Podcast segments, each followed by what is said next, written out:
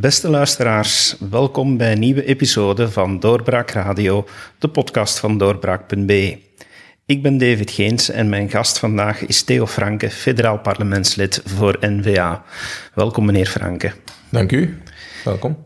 Meneer Franke, we gaan het vandaag even hebben over iets zeer actueel, namelijk de vluchtelingencrisis aan de Turks-Griekse grens. Uh, om meteen met de deur in huis te vallen, wie is daar volgens u de schuldige? Ja, ik denk dat, uh, dat wat uh, president Erdogan heeft gedaan, uh, dat dat toch wel duidelijk is dat hij die mensen, die migranten en vluchtelingen, dat hem die toch gebruikt als politiek wapen tegen de Europese Unie om de druk te verhogen op een aantal Europese lidstaten, omdat hij in de penarie zit in, in Syrië en in Idlib. Dat is een van de grote redenen waarom dat dit nu gebeurt. Hè. Dus het is louter pasmunt dat hij uitspeelt. Maar het is zo dat zij natuurlijk al jaren heel veel vluchtelingen opvangen. Hè? Dus de Turken zijn al jaren gefrustreerd over het feit dat zij vinden dat ze te weinig steun krijgen van Europa. Uh, daarvoor is er ook een EU-Turkije-deal gekomen. Wij geven hun dus uh, vele honderden miljoenen per jaar steun voor uh, ja, die, die mensen op te vangen op een humane manier. maar zij vinden dat dat veel te weinig is. Um, het is zo dat hij eigenlijk, ja, natuurlijk, um, door het heel, de heel onstabiele situatie aan zijn grens met Syrië dat hij een aantal maanden geleden heeft beslist om toch een stuk, een bufferzone te creëren in uh, het noorden van Syrië, onder andere in Idlib. En uh, dat hij natuurlijk nu in de problemen zit, nu Assad dat uh, probeert te heroveren uh, samen met de Russen. Uh, komt hij helemaal in de squeeze. En dat frustreert hem mateloos dat hij niet meer solidariteit krijgt van de NAVO-partners en van de Europese Unie. Um, en ik denk dat hij heel ambetant zit en dat hij nu een signaal wil geven dat de Turken dat hij dat niet langer willen pikken en uh, wil pikken. En dus dat is wat er nu aan de hand is. En daarvoor gebruikt hem die mensen.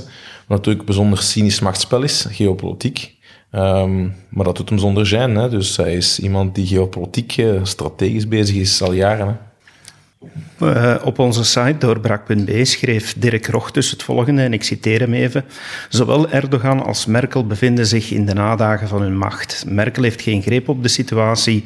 De opvolging voor Merkel spreken uh, hardere taal, maar hebben geen pasklare oplossing en ja, geven het signaal aan de vluchtelingen, we kunnen jullie niet opnemen. Erdogan is momenteel zijn oriëntatiezin helemaal kwijt, kijkt naar het westen en naar het noorden, met name Rusland. En hoe lang nog voor de Turken dat spel doorzien? Mm En de citaat, als u, als u dat hoort, zegt u van ja, daar herken ik de situatie wel in. Ja, ik heb het stuk van uh, professor Rochtis gelezen. Ja, ik ben het voor een heel groot stuk uh, eens. Hè. Een man kent natuurlijk zeer, zeer goed uh, de Turkse situatie, schrijft er al jaren over en volgt dat op de voet. Um, de, dus dat klopt zeker. Um, maar ja, ik denk dat je toch niet mocht onderschatten dat hij daar ook wel populariteit mee wint. Hè hij, wat hij doet is eigenlijk aantonen van uh, het, kan niet, het kan zo niet verder. Hij is een sterke leider die, uh, die nu ja, eh, Europa eigenlijk ook een stuk uitdaagt. Hè. Dat, dat, dat gaat er natuurlijk wel, wel goed in in Turkije. Want het is wel zo dat veel Turken het echt wel gehad hebben met die miljoenen vluchtelingen. Je moet ook rekenen, ze hebben de conventie van Genève wel ondertekend, maar ze hebben niet echt een asielstatuut. Dus zij heeft ook altijd geweigerd om die echt papieren te geven. Dat is zo'n beetje een hybride situatie. Uh, ook gezinshereniging is heel moeilijk. Um, dus ja, die zitten zo'n beetje tussen hamer en aanbeeld, die vluchtelingen. Maar is gevolg dat die heel vaak, die hebben ook geen, er bestaat geen OCMW-geld of zo. Dus die zitten daar allemaal, die leven allemaal door te werken. Uh, die, leven, die werken eigenlijk onder de marktprijs. Uh, heel veel zwarte arbeid. Maar natuurlijk jobs afpakt van de Turken. En dus in die zin is dat natuurlijk iets waarbij uh, de, Turk, Turkse bevolking ook wel kwaad is op die vluchtelingen, omdat ze hun jobs ook afpakken. Dus um, ja, ik denk wel dat de Erdogan, dat hij, daar, dat hij hiermee scoort. Uh, bij zijn eigen bevolking, door dit zo te doen. Ook al klinkt het misschien heel uh, inhumaan, cynisch en onmenselijk, maar ik denk dat de Turken wel op een andere manier aan politiek doen. En dus in die zin hij bestrijdt terrorisme door in Noord-Syrië aanwezig te zijn, want dat is altijd zijn grote verhaal van we moeten daar wel aanwezig zijn, want anders worden die Koerden veel te sterk en worden al die, uh, die infiltranten veel te sterk, krijgen we aanslagen op Turks grondgebied. Dus ik ga een stuk van Noord-Syrië bufferen. En anderzijds, uh, die vluchtelingen stuur ik naar Europa, want ik ben de Europeanen beu, want die willen ons nooit niet steunen, het is genoeg geweest. Die boodschap zal er in Turkije zeker goed ingaan. Dat hem zijn hand aan het overspelen is, in Syrië sowieso. Um, in Syrië sowieso. Um, de Russen controleren het luchtruim, dus ik kan die, die oorlog niet winnen, dat is onmogelijk. Dat is onmogelijk, dus ja, daar zit gezichtsverlies aan te komen. Ja. In die vluchtelingenstroom, ja, uiteraard zitten daar nu een pak Syriërs tussen, maar uh, ook heel veel Afghanen wordt, uh, wordt vastgesteld. Ja, Marokkanen, Palestijnen, een beetje van alles. Ja, inderdaad. Van, want het viel mij op in een uh, reportage dit weekend op VTM dat er twee mensen werden geïnterviewd en de ene was een Marokkaan, de andere was een Algerijn. Dus het is veel meer dan, dan enkel oorlogsvluchtelingen. Nu, ja, dat wil wel zeggen dat uh, als, uh, als we die vluchtelingen moeten opnemen, dat er daar ook bij zijn die dat geen asiel zouden kunnen aanvragen, neem ik aan, in Europa. Ja, maar dus het, allee, wat, is, wat is eigenlijk een beetje een probleem, zelf georganiseerd natuurlijk, is dat uh, Turkije heeft de visumvrijstelling voor een heel aantal landen, dus de visumplicht voor een heel aantal landen afgeschaft. Je kunt dus nu vanuit Marokko, zonder dat je een visum nodig hebt, kunt je op Istanbul vliegen en gewoon afstappen in, in Turkije. Um, vanuit Algerije, vanuit heel veel landen. Dat is een beslissing van een, jaar of vijf geleden. Dat is een van de grote redenen waarom er zoveel mensen eigenlijk naar, naar vliegen naar Turkije om eigenlijk in Europa te geraken. Want een Marokkaan zou kunnen zeggen, waarom gaat hij niet gewoon via Ceuta en Melilla uh, over, uh, over Spanje? Nee, ze gaan hele andere kant van, uh, van, van de Binnenlandse Zee om langs daar binnen te geraken. Dat is omdat ze visumvrij nu kunnen reizen op Istanbul. En ze vliegen gewoon binnen. Dus natuurlijk heb je dus een allegaartje. Ja, de Palestijnen, Marokkanen, Algerijnen. heb ik heel veel Noord-Afrikanen die dus ook Afghanen, uh, die dus proberen binnen te geraken. Ja. En dat zijn geen vluchtelingen daarom. Hè. Dus hier en daar zal er misschien uh, iemand uh, in zitten die wel erkend wordt omwille van homoseksualiteit of weet ik veel wat, andere, andere criteria, of omdat hem uh, bepaalde karakteristieken heeft, ik zeg maar religieus, of, of een aantal voorgeschiedenis heeft waarbij hij moet echt vluchten voor een regime. Maar uh, het overgrote deel zal niet erkend worden, zeker niet van de Noord-Afrikaanse mensen, maar die zijn ook niet direct uit op asiel, denk ik. Dus dat zijn ook, we zien ook heel vaak dat die mensen net geen asiel aanvragen. Hè. Die zijn hier wel illegaal, maar die, die vragen geen asiel aan, maar ze ook wel weten dat ze geen kans maken op asiel. Ja. Vindt u dat uh, Erdogan nu woordbreuk heeft gepleegd op de deal die u nog mee in der tijd hebt onderhandeld als staatssecretaris? Maar we hebben ons woord ook niet gehouden. Dus wij hebben gezegd, je krijgt geld, je krijgt visumvrijstelling en je krijgt uh, toetreding, uh, deftige toetredingsgesprekken. We hebben geld gegeven, maar ook mondjesmaat maar, uh, onder heel strikte voorwaarden. Uh, dat frustreert Erdogan enorm. Uh, en de andere twee dingen hebben we gewoon niet gedaan. En zij hebben een, een, een pushback, die terugname van die mensen die toekomen op de eilanden, hebben zij nooit niet echt serieus gedaan.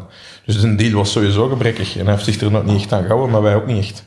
Was het daarom dan een slechte deal? Op dat moment was dat een goede deal, dat was nodig. Maar ik was altijd keihard en heel kritisch tegen die eh, visumvrijstelling voor die Turken. Ik wil dat niet. Want dan vliegt heel Turkije binnen in Europa en die gaan niet meer terug. Um, of toch een deel daarvan gaat niet terug en dat wil ik niet. Um, dus concreet, dat was een nodige deal. Dat was toen een heel urgente, acute situatie waarbij de buitengrens gewoon open stond. Dus dat was heel nodig. Maar um, ja, nu, is dat, nu is dat ook achterhaald, dus er moet iets nieuws komen. Met andere woorden, we moeten opnieuw gaan onderhandelen, nieuwe voorwaarden onderling afspreken en uiteindelijk een nieuwe deal sluiten met Turkije. Kun niet anders, denk ik. Hoe moeilijk ook, hè? want niemand zit met, denk, met plezier met, met, met Erdogan rond tafel, maar ik denk dat je gewoon niet anders kunt. Ze zijn een gigantisch land, ze hebben heel veel vluchtelingen, ze zitten heeft het kruispunt tussen Europa en, en, en, en Midden-Oosten. Zij zijn eh, een heel belangrijk land. Uh, ze zijn een NAVO-lidstaat, toch ook niet vergeten. Hè. Ze zijn een bondgenoot al jaren en dag uh, binnen de NAVO, um, waar we ook op kunnen rekenen trouwens, dat mag ook gezegd worden. Dus ik denk dat je niet anders kunt dan een deal maken met, uh, met, met Erdogan, een nieuwe deal. Maar dat zal natuurlijk met andere voorwaarden zijn. Waarbij zij meer geld gaan vragen waarschijnlijk, uh, meer vestiging. En waarbij wij, denk ik, echt moeten pushen op die pushbacks, dat dat echt deftig georganiseerd is, zodat je de problemen op de eilanden toch uh, die druk sterk verlaagt. Hè? Want nu, die eilanden, die bevolking komt daar in opstand, dat is niet meer te doen. Hè? Op Lesbos, Chios, Samos, dus dat, dat, dat, dat moet stoppen. En dus daar moeten wij naar kijken om ook de Grieken een stuk te helpen, want die Grieken zijn ook echt wel in de penarie daar. Dus. En dat is wat, wat ik altijd heb gezegd. Dat is waar ik een boek heb over geschreven, Continent zonder grens. En 24 vragen. Dat gaat echt specifiek over wat doen we nu eigenlijk aan onze buitengrens. Dat is de Australische aanpak. Wij moeten naar een verhaal gaan waarbij illegale migratie ertoe leidt dat je op een zwarte lijst komt als je dat probeert. En dat je nooit meer in Europa legaal kan, uh, kan verblijven. Nooit meer naar Europa kan reizen. Op een legale manier. En dat heel, heel strak aanpakken, zodat uh, die, dat businessmodel van die smokkelaars uh, ook effectief droog wordt gelegd. En daarnaast mogen we best wel ons hart tonen en een aantal echte vluchtelingen eventueel uit Turkije wel binnenvliegen. En dan kan ik de manier opvangen hier, heb ik geen problemen mee. Maar niet meer na een illegale reis. Want nu kiezen ze zelf hun land van bestemming, want die blijven natuurlijk niet in Griekenland. Hè. Die willen allemaal naar Duitsland, Nederland, België, Engeland. Dat is één. En ten tweede, het, businessmodel van die smokkelaars. Die smokkelaars worden alleen maar driester en driester. Gisteren is er iemand gestorven in Griekenland uh, in zee. Waarom? Ze zien een boot en ze slagen hun eigen sloep lek. Uh, zodat ze gered moeten worden, want dan zijn ze drenkelingen. En dat is internationaal zeerecht dat je die dan moet redden. En daardoor is een kind gestorven, verdronken. Dus allee, maar te zeggen wat een ongelooflijk drieste praktijken dat die toepassen. Uh, en dan weten we nog de helft niet. Hè? Dus uh, we hebben hier in Sussex of Essex heel wat mensen in containers, Vietnamezen, tientallen doden. Dat, dat is onvoorstelbaar wat een praktijken dat die hanteren, die smokkelaars. Die hebben voor niks of niemand respect. Dat gaat alleen over geld. En um, dat kan je alleen echt tegengaan. Dus zo dat doen zoals in Australië. Australië is juist hetzelfde probleem met Indi Indo uh, bootjes die vertrokken vanuit de Indonesische eilanden, archipel. En daarom heeft men op een bepaald moment gezegd, kijk, dat moet stoppen. En uh, dus iedereen, you will not make Australia home, iedereen die illegaal probeert uh, Australië te bereiken, gaan we oppakken. Gaan we allemaal redden, gaan we allemaal oppakken. En die mensen die gaan we nooit of nooit Europa, eh, Australië nog binnenlaten, ook niet over 50 jaar. Nooit, nooit, nooit gaan die ooit Australië kunnen bereiken. Dus komt op een zwarte lijst. Um, en daarnaast, Australië is een grote contributeur van UNHCR, dus ze doen echt wel veel voor opvang in de regio. Ze betalen daar ook veel geld voor.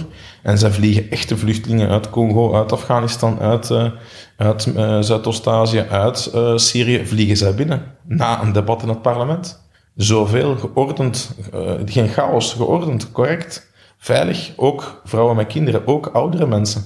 En niet alleen jonge mannen, want het is misschien geen 80% zoals ik gezegd heb, maar het overgrote deel zijn wel mannen. En dat is echt wel een probleem ook. Hè? Dus heel veel oudere mensen, zieke mensen, vrouwen met kinderen geraken hier gewoon niet, omdat ze vastzitten in die vluchtelingenkampen. Die hebben niet het geld en niet de fysieke kracht om het te doen. Ja, dat is ook niet echt eerlijk natuurlijk. Hè? Altijd wanneer u dit voorstelt, krijgt u heel veel kritiek van uh, de oppositie, uh, vanuit bepaalde kringen. Maar eigenlijk zegt u van, ja, we moeten dit gewoon weg goed organiseren, zodat we kunnen helpen wie echt hulp nodig heeft, niet? Ja, natuurlijk. Hè. Dus ik, snap niet waarom dat... dat ik denk dat vooral de oppositie het eigenlijk niet goed heeft bestudeerd. Het is echt een gebrek aan kennis. Uh, want ik heb een debat gehad met Wouter de Vriend, maar hun alternatieven die zijn er ook geen. Uh, sorry dat ik het moet zeggen, dus dat zijn er geen, of toch geen realistische. Uh, dat, is, dat is allemaal praat voor de vaak. Hè. In de theorie misschien, maar in de praktijk kan dat zo niet werken. Dus ze moeten natuurlijk wel, als, als, als de oppositie of de andere partijen, niet, of zeker langs links, niet eens een realistischer voorstel kunnen uitwerken als wat ze nu doen, ja, dan speel ik een thuismatch. Sorry dat ik het moet zeggen, maar dat is geen, dat is geen ernstig debat dan. Dus ik wil wel luisteren naar alternatieven, maar dan moet het ook echt wel praktisch haalbaar zijn en ook wel concreet uitgedacht tot in de details en niet uh, naar een Daar heb ik, allee, daar heb ik ook uh, weinig, allee, brengt weinig bij aan het debat, denk ik. Dus um, nee, ik denk dat wat wij voorstellen met allee, de Australische aanpak, dat dat op, op lange termijn, allee, middellange, lange termijn, dat Europa niet anders gaat kunnen op een bepaald moment om dat in te voeren. Dat gaat gewoon niet anders gaan, want die illegale migratiestromen, die, uh, die ondermijnen heel het Europese Uniemodel en, en de Unie zelf. Hè. Dus de brexit is één van de grote drijvers achter de brexit, is migratie, is de crisis van 15 geweest. Onmiskenbaar. Italië, een van de grote redenen waarom dat misschien Italië de Unie zal verlaten, dat, is, dat zal zijn omdat zij dus beu zijn om alles op te stoppen daar in de Middellandse Zee. Dus die, die illegale migratie is een grote bedreiging voor het Europese project. En dus daar, uh, daar moet, moet een, du een, duidelijke en een goede oplossing komen. En de geesten zijn aan het veranderen. Hè? Als je nu kijkt, de communicatie van de Europese Commissie, de grenzen dicht, we gaan de Grieken steunen en we gaan alles eraan doen zodat er niemand binnenkomt. Ja, vijf jaar geleden was dat ondenkbaar. Hè? Daar was het het humane, en het humanitaire en nog garm, het zijn toch mensen. En die goedsmenselijkheid, dat was natuurlijk het, het adagium. Maar je merkt toch dat die, die traditionele partijen allemaal ongelooflijke bochten hebben genomen sindsdien. En dat dat toch allemaal een heel stuk realistischer is. Hè? Dus dat ze toch echt wel serieuze kater hebben overgehouden uh, ook electoraal vaak in hun landen uh, na 2015. Hè, dus die, die Weerschaffendas uh, mentaliteit is totaal weg. Dus stilletjes aan komen daar wel. Ik zal mijn punt binnenhalen. Het kan misschien nog vijf jaar, misschien nog tien jaar duren. Maar ik ga, ik ga er blijven voor strijden. En dan zal u mij over tien jaar misschien interviewen. En dan zal u zeggen, proficiat meneer Frank, het is gelukt. Maar ik zal het blijven doen. en elke, iedereen in, op het Schumannplein weet, weet zeer goed waar ik, waar ik voor sta. Want op elke Europese raad heb ik dat jaren verdedigd. Dus ze weten dat heel goed waar ik, waar ik achter sta en hoe dat, dat zit. En zullen dat wel winnen. Maar we hebben nog tijd nodig. het is nog niet rijp. Maar er is geen alternatief. Hè. Dus je zal naar een soort van pushback-model gaan, uh, waarbij ook in Tunesië eventueel. Uh, een van de grote redenen ook trouwens waarom dat ze daar zo kritisch voor zijn, is omdat natuurlijk de mens onwaardige uh, opvang die er geweest is op die eilanden waar dat ze dan in Australië die mensen naartoe brachten. In Papua-Nieuw-Guinea. Um, maar dat moet niet bedoel, het Australisch model, in het Australisch model dat ik wil kopiëren, moet je de mensen niet mensontwaardig opvangen. Je moet dat gewoon op een menswaardige manier doen in Afrika. Met geld, met UNHCR, Europese Unie, controle, schoolkes, water, eten, dat moet correct gebeuren. Dat, ik pleit niet voor mensont, mensonwaardige uh, opvang en, psychiatrische problemen, want ze hebben daar ook heel veel problemen gehad met psychiatrische problemen en zelfmoorden en zo. Dat is absoluut niet wat het model dat ik pleit. Maar dus het Australisch model de mensen onwaardige opvang op die eilanden waar ze naar gepushbacked worden, dat is geen cruciaal element van het Australisch model. In mijn ogen is dat zwakke punt, dus dat moeten we gewoon anders aanpakken en dat menswaardig doen. Maar dat gaat toch ook? Dat is maar hoe dat je. Denkt u dat de Grieken momenteel de grens zullen gesloten kunnen houden? Maar ik denk dat, die grens nooit niet 100% gesloten is. Ik denk dat uh, ze, hebben uh, ze hebben niet zo'n grenshekken gebouwd zoals, uh, zoals, zoals Orbán heeft gedaan met Servië. Hè. Die heeft gewoon echt een volledig hek en zelfs daar raken nog mensen door. Maar dat hebben de Grieken niet. En dus die, die, die grens met Turkije is immens lang. Dus dat er daar nog wel smokkelaars zijn die, die toch nog kunnen smokkelen en mensen over de grens smokkelen tegen veel geld. Plus de bootjes komen nog elke dag toe hè, op de eilanden. Dus de grens is niet dicht, hè, die blijft poreus. Hè. En dus in die zin uh, moet je met Turkije onderhandelen. Alleen daarom al, want als je met elkaar niet klapt. Dus je in, een landgrens kunnen zeggen: ik praat niet met mijn buur, ik ga gewoon een hek zetten op mijn kant. dat is wat Trump doet met Mexico. Die bouwt gewoon die muur aan, de kant van Amerika. Dat kun je doen. Heb je wel diplomatieke problemen, maar goed, je kunt dat doen. Maar op maritieme grens kun je een muur in de, in de, in de zee bouwen. Hè? Dus je zult altijd, zullen er afspraken moeten zijn tussen de Grieken en de Turken over die maritieme wateren. Hè? Dus ik ben daar geweest hè, op die eilanden. En, en, en ja, die Griekse eilanden die liggen veel dichter bij Turkije. Je ziet Turkije liggen, hè? dat is maar ja, een paar minuten met een bootje. Hè? Veel dichter bij Turkije als bij, bij, bij, bij het vasteland van Griekenland liggen die eilanden. Hè? Dus je zult altijd met de Turken moeten klappen. Hoe je dat nou, degene die beweert dat dat niet nodig is, die moeten mij eens vertellen hoe dat je een zeegrens anders kunt, uh, kunt controleren. Dat gaat gewoon niet. Want als de Turken dan gewoon zeggen, ja, maar iedereen met bootjes, vertrek maar. Ja, dan kom je naar situaties waarbij die toch toekomen op die eilanden. Oftewel verdrinken ze, maar we gaan toch niet iedereen laten verdrinken. Hè? Dat gaan we toch ook niet doen. We zijn toch geen onmensen. Hè? Nee, dat kan zeker de bedoeling niet zijn. Uh, als we kijken naar wat er nu gebeurt, welke hulp kan en moet Europa nu bieden aan Griekenland volgens u? Grensbewaking. Uh, het is ook nog winter, dus uh, humanitair kijken of dat we nog ja, kunnen, kunnen hulp bieden op vlak van humanitair ja, bedden, hygiënekits, noem maar op. Als dat nodig zou zijn. Um, maar vooral grensbewaking en ervoor zorgen dat het, en ook morele steun. Ik denk dat dat ook heel veel betekent voor de Grieken, dat er eindelijk uh, vanuit Brussel wel een signaal wordt gegeven. Dus uh, dat is een vraag voor 30 mensen. Ik hoop dat nu de regering dat gaat doen. maar dat is het belangrijkste. U haalt het al aan. Er is een vraag om 30 agenten te sturen uh, naar daarvan. Dus is, is dat het enige wat wij als Belgen kunnen doen om Griekenland te helpen? Extra mankracht sturen? Maar ik denk dat daarmee begint, ja, op dit moment. Um, en nu, allee, ik begrijp dat er vandaag ook een minister is, allee, ministerraad, Europese ministerraad van minister van Binnenlandse Zaken, dus we zullen zien wat daar ook nog uitkomt. Hè. Ik weet niet wat die Grieken juist vragen, hè, want onderschat het Griekse leger niet, hè, een zeer sterk leger. Hè. Dus die Grieken die kunnen wel heel wat zelf hoor. Dat is, uh, dat is echt nog wel. Uh, de sterkste poot in heel het Griekse systeem is, is het leger. Hè. Dus als die Grieken zeggen, wij gaan met het leger de grens bewaken, dan uh, mag je gerust zijn dat dat goed gebeurt. Hè. Dus die minister van Defensie in Griekenland is een heel belangrijke portefeuille, uh, die echt zwaar weegt. Uh, de premier heeft zich ook volledig geëngageerd. Je hebt nu ook een rechtse regering, hè. dus als, er een rechts, als rechts aan de macht is op de buitengrenzen, ben ik, slaap ik altijd geruster als, geruster als dat links aan de macht is. En waarom? Omdat ze dan meer dicht zijn. niet potdicht, want dat gaat niet, maar toch wel veel meer dicht. Salvini was een zegen, hè. Bootjes en NGO's en al dat. Dat werd eigenlijk duidelijk dat dit toch allemaal ook wel dubieuze praktijken hadden, hè. Die smokkel, allee, ik mag het zo niet noemen, maar uh, dat was toch allemaal niet helemaal, niet allemaal een beetje vloe, hè. Die voeren dan ook onder andere vlaggen en dat was allemaal, uh, in, qua inschrijving, dan was dat allemaal. Er een aantal aan de ketting gelegd door een onderzoeker. Maar uh, ja, ook nu een Griekse regering, een, een centrumrechtsregering, dan Neo-Democratia daar die heeft gewonnen. Dus dat is toch wel, uh, toch wel wat forser als, als Syriza, dat toch wel zeer, zeer links is. En allemaal heel sympathieke collega's, hè, maar ja, die hadden gewoon allemaal niet zo'n probleem. Open grenzen, dat is eigenlijk hun filosofie ook. Hè, van, ja, dat maakt toch allemaal niet uit en. Maar dan werd mij verweten door het Vlaams Belang van ja, je hebt die hier allemaal binnengelaten, maar ik heb die niet binnengelaten. Die staan gewoon in Brussel en vragen asiel, want die zijn, die zijn binnengelaten door die buitengrenzen. Hè. Er is geen binnengrens. Hè. Uh, dus dat is een redelijk onzinnige discussie. Hè. Je kunt me dat niet verwijten, want ik heb die niet binnengelaten. Ik heb ze zeker niet uitgenodigd, maar ze staan hier wel. En als ze hier staan, hebben ze bepaalde rechten. Zijn dus uh, conventie van Genève daar, uh, daar, daar aanspraak op proberen maken via de asielaanvraag. En dat is soms wel wel zuur, hè. als je dan leest dat Franke faalt. Ja, dat is soms wel wel zuur als je dan ja, toch wat dieper de zaken bekijkt en eigenlijk toch moet toegeven alleen dat dat zeer intellectueel oneerlijk is van zo'n dingen aan mij, mij te verwijten. ja. Vreest u dat er opnieuw zo'n vluchtelingenstroom zou kunnen toekomen in Brussel? Ja, dat zou goed kunnen natuurlijk. Hè. Dus dat is, allee, de mentaliteit is gewijzigd, zoals ik gezegd heb. Dus het gaat zeker niet uh, een soort van naïviteit, weer schaffendas van oh, kom er allemaal maar af. Dus dat, dat gaat, geen enkele politicus in Europa krijgt dat nog verkocht, denk ik. Hè. Buiten misschien nog hier en daar nog Portugees, waar dat op finaal niemand naartoe wilt of niemand blijft.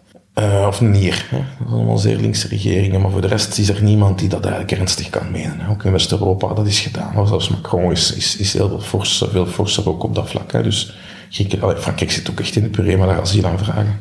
Dus die, uh, die gaan het ook niet doen. Dus het zal zeker geen 2015 zijn, maar dat, dat de situatie verder kan escaleren en ook humanitair is er dramatisch worden, dat, dat, dat denk ik wel. Er is ook niet echt een initiatief om met gaan samen te zitten. Hè. Dus Merkel zwijgt ook. Uh, bon, uh, Charles Michel is daar geweest. Uh, Van der Leyen ook, denk ik, gisteren. Dus het blijft toch vooral het steunen van Griekenland. Het is nog niet echt een hand uitgereikt naar, naar Turkije. Omdat Turkije natuurlijk direct dit lip op tafel gaat leggen. En iedereen wil zich van dat wespennest weghouden. Dus, maar ja, vroeg of laat zullen we toch terug meer aan tafel moeten gaan zitten. Hè? Wordt het beheren van die grenzen een stuk moeilijker gemaakt door het Marrakesh-pact? Gaat dat nog gevolgen hebben? Wat Marrakesh-pact is vooral, uh, is vooral het, opnieuw voor mij, het, grootste punt van Marrakesh is eigenlijk waarbij je, het is een pact waarbij je opnieuw een stuk van je soevereiniteit afgeeft en instrumenten geeft voor activistische uh, NGO's om met die wapens proberen de grenzen af te breken. Um, en dus er is geen direct gevolg. Er wordt nu gezegd, een jaar later na Marrakesh, er is geen... Natuurlijk niet, wie had, er iemand eigenlijk gedacht, Marrakesh wordt gestemd en dan komen hier direct, staan hier 10 miljoen mensen voor de deur of zo. Allee, heb ik ook nog niet beweerd, dat is absurd om zoiets te denken, denk ik. Dus, maar dat Marrakesh zorgt niet voor die asielcrisis. Marrakesh zal er finaal voor zorgen dat het nog moeilijker wordt om mensen terug te sturen die hier niet thuis horen, die illegaal zijn, om uh, mensen geen status te geven, om mensen en zo verder, om uw grenzen te controleren en grenzen te beschermen. En dat is een grote kritiek op Marrakesh en een aantal andere Europese en, en internationale verdragen waarbij we in mijn ogen dingen hebben toegestaan die, uh, ja, die nooit niet zo bedoeld zijn. Ook de conventie van Genève zelf trouwens, dus die is ook echt een herinterpretatie en her, heronderhandeling nodig. Maar ja, dat is getekend door meer dan 150 landen. Wie gaat daaraan beginnen? Hè? Al die Afrikaanse landen die willen dat allemaal heel soepel blijft. Dus dat is een onderhandeling dat je, dat je bij spreken bijna niet kunt winnen. Hè. De, dus wie gaat er, dat staat in het, in het Nederlands regeerakkoord, hè, onder andere van de conventie van Genève, maar ook de Nederlandse regering heeft daar niet echt initiatieven toegenomen, want hoe moeten we daar mee beginnen? Wie gaat dat doen, de VN? Ik heb ook niet echt veel vertrouwen in, hè, want als de VN het doen, dan uh, wordt het nog veel soepeler. Dus dan, dan, komen er klimaatvluchtelingen in en alles al, en dan steken ze alles, dan steken ze de, conventie nog propvol met nieuwe, nieuwe snufjes om eigenlijk helemaal... het rijke Westen eigenlijk onder de voet kunnen laten lopen. Dus dat, dat, dat zie ik niet zitten. Je kunt dat misschien zeggen en zo verder, maar je zult misschien op het einde nog slechter uit, af zijn als dat je nu bent. Dus blijf er al gauw af. Hè? Allee, principieel ben ik ook voor een onderhandeling, maar je weet waar gaan begint, maar je weet niet waar, dat, dat vooral gaat eindigen. Hè? Dat is echt wel een zeer groot risico. Hè? Dat ook gezien met die Marrakesh-onderhandelingen. Ja, die zuidelijke landen die blijven pushen heel de tijd hè, op, op, op, op het vuil van die grenzen af te breken. Hè? Die willen niet liever natuurlijk. Hè? Die zeggen van, dat is veel te rijk hier, want is een stuk van de koek, vrienden. Maar dat is natuurlijk... Uh, zo simpel is natuurlijk niet. U zei het al, het is een spijker waarop dat u blijft slaan. Ehm, het feit dat ik hier nu zit, dat u ook door andere media gecontacteerd wordt, datgene wat er gebeurt, is dat dan voor u een teken van er is nog werk aan de winkel, maar ik zit op de goede weg en ja, er, er gaat een moment komen dat, dat iedereen wel uh, de neuzen in de richting staan waarin ik voorspeld heb dat ze zullen staan? Ja, ja absoluut. We zullen gelijk krijgen. Als ik nu zie op vijf jaar hoe dat al geëvolueerd is, geef me nog vijf jaar en liefst op die portefeuille ook. In de regering. Ik bedoel, niemand van de 150 parlementsleden heeft meer stemmen dan ik. En ik heb die gehaald, ook echt wel met een duidelijk migratieprogramma. En imago ook daar rond en een heel duidelijke visie. Alleen onze partij, ik, ik bedoel onze partij, de N-VA. Dat lijkt me de logica der dingen. Dat je, dat je dan ook eh, kan verder werken. Maar goed, België is... Uh, de logica der dingen geldt vaak juist omgekeerd in, in dit land. Dus we zullen wel zien hoe dat, verhaal eindigt. Maar of dan is het in de oppositie, maar ik zal alleszins blijven duwen op deze agenda.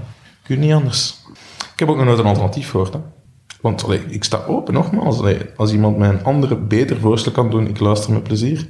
Maar ik wil wel dat die illegale migratie stopt. Want hoe kan links het toch verkocht blijven krijgen aan zichzelf dat er zoveel mensen verdrinken in Middellandse Zee elk jaar? Ik vind dat heel bizar. Die verdrinken alleen omdat ze weten dat als ze de poging ondernemen, dat de kans groot is 97% dat ze het ook bereiken zijn in Europa. Het Eldorado, in hun ogen. 3% sterft onderweg. Voor een gemiddelde Afrikaan is dat een risico dat ze nemen. Hè? Als je uit Afghanistan komt, dito. Hè? Dus maar 3% als je dat uittelt in, in absolute cijfers, zijn dat heel veel mensen die sterven. Hè? En ik vind dat bizar dat je dat kunt blijven verdedigen. Ik verdedig dat niet. Ik, zet, ik, ik revolteer er tegen. Met andere woorden, een duidelijk grenzenbeleid is veel humaner. Absoluut. Absoluut. Je moet de zaak organiseren dit is chaos. En als je chaos wilt, dan krijg je ook gewoon uh, effecten van chaos. Doden, verdrinkingen, uh, smokkelaars, uh, drieste, drieste smokkel, perfide dingen. Kinderen die misbruikt werden onderweg. Alle mogelijke, de meest walgelijke dingen dat je hoort en leest. Dat is allemaal realistisch. Hè. Dat, is niet, is geen fictie, hè. dat is non-fictie. Spijtig genoeg. Er moet dus nog heel veel veranderen. Er zal misschien naar aanleiding van deze eh, crisis inderdaad wel een en ander veranderen. Meneer Franke, hartelijk dank eh, voor uw toelichting. Eh, best, beste luisteraars, we hopen dat het voor u ook allemaal wat duidelijker geworden is wat er momenteel speelt. We zijn heel tevreden dat u weer geluisterd hebt naar deze extra episode. We nodigen u uit om u zeker te abonneren op onze podcasts en te blijven luisteren en ook onze website doorbraak.nl be te bezoeken. Als u nog geen abonnee bent, dan vragen wij u om dat uh, te worden, want dat helpt ons natuurlijk om ook verder te blijven gaan met het vergaderen uh, van uh, al de nieuwtjes en de achterliggende redenen waarom er zaken gebeuren. Dankjewel en tot een volgende keer. Dit was een episode van Doorbraak Radio, de podcast van doorbraak.be. Volg onze podcast op doorbraak.be/slash radio of via Apple Podcasts, Overcast of Spotify. Bezoek ook onze website op doorbraak.be en steun ons door een vriend te worden van Doorbraak.